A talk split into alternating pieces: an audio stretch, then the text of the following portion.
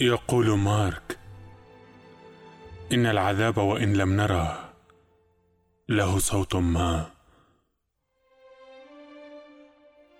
ضوضاء مكتومة ناعمة لا صلة لها بالصراخ الذي قد يتبادر إلى أذهاننا.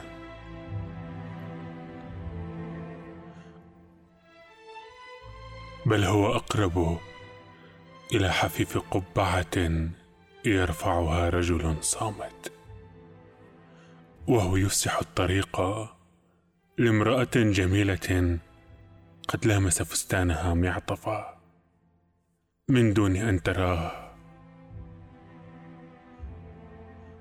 أو صدع في بيت قديم يتسع ببطء.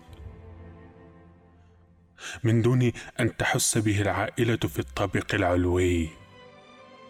الابنة الخارجة في موعد عاطفي وأمها أمها التي تتنهد باستسلام حين تراها.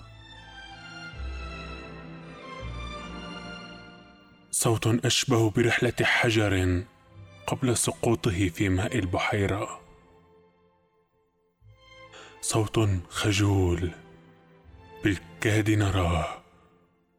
ولا يتوقف.